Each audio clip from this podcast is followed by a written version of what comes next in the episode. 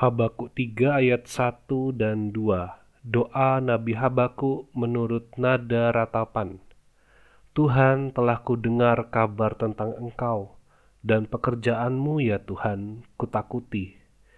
Hidupkanlah itu dalam lintasan tahun. Nyatakanlah itu dalam lintasan tahun. Dalam murka ingatlah akan kasih sayang. Pasal ketiga adalah bagian penutup dari kitab Habakuk. Nabi Habakuk menutup kitabnya dengan sebuah doa bernuansa ratapan.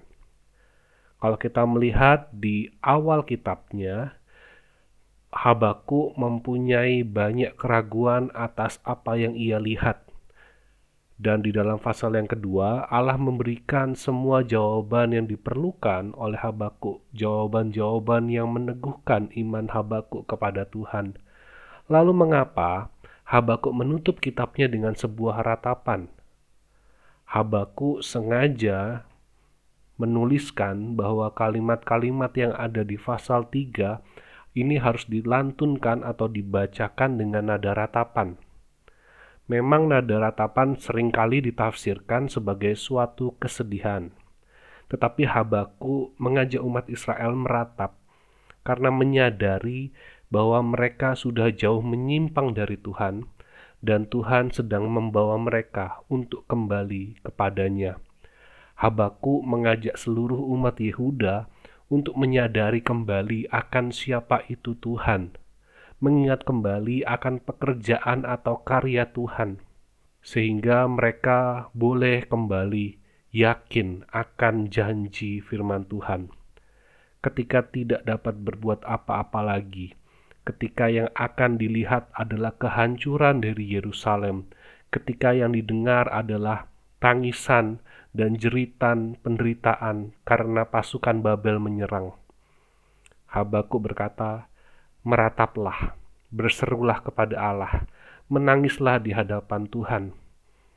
Karena itu menunjukkan bahwa hanya Tuhan tempat terakhir manusia kembali, hanya Tuhan harapan terakhir dari manusia.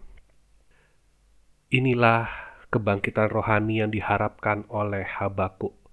Kebangkitan rohani hanya bisa terjadi di dalam kehancuran diri, Habakuk mengajak seluruh umat Israel untuk bersama-sama meratap, untuk bersama-sama percaya pada rencana Tuhan, bahwa di dalam diri saya, saya tidak dapat memastikan apa yang terjadi besok, tetapi saya mau percaya pada rencana dan janji Tuhan.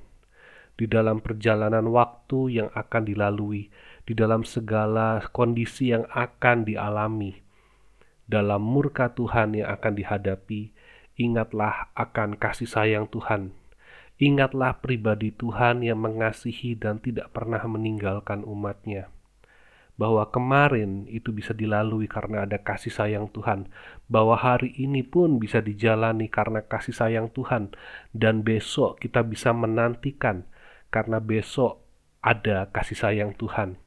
Oleh sebab itu, Habaku mengajak kita juga di hari ini untuk terus menyadari bahwa Tuhan yang mengizinkan segala sesuatu terjadi, bahkan saat-saat sulit atau kondisi-kondisi yang berat, Tuhan izinkan untuk kita alami, supaya kita terus kembali pada Tuhan, dan kita boleh mengingat akan kasih sayangnya, mengingat akan penyertaan dan pemeliharaannya yang tidak pernah meninggalkan kita.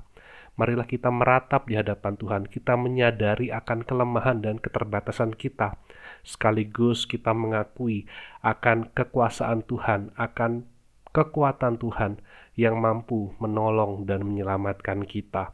Selamat menjalani hari, Tuhan Yesus memberkati.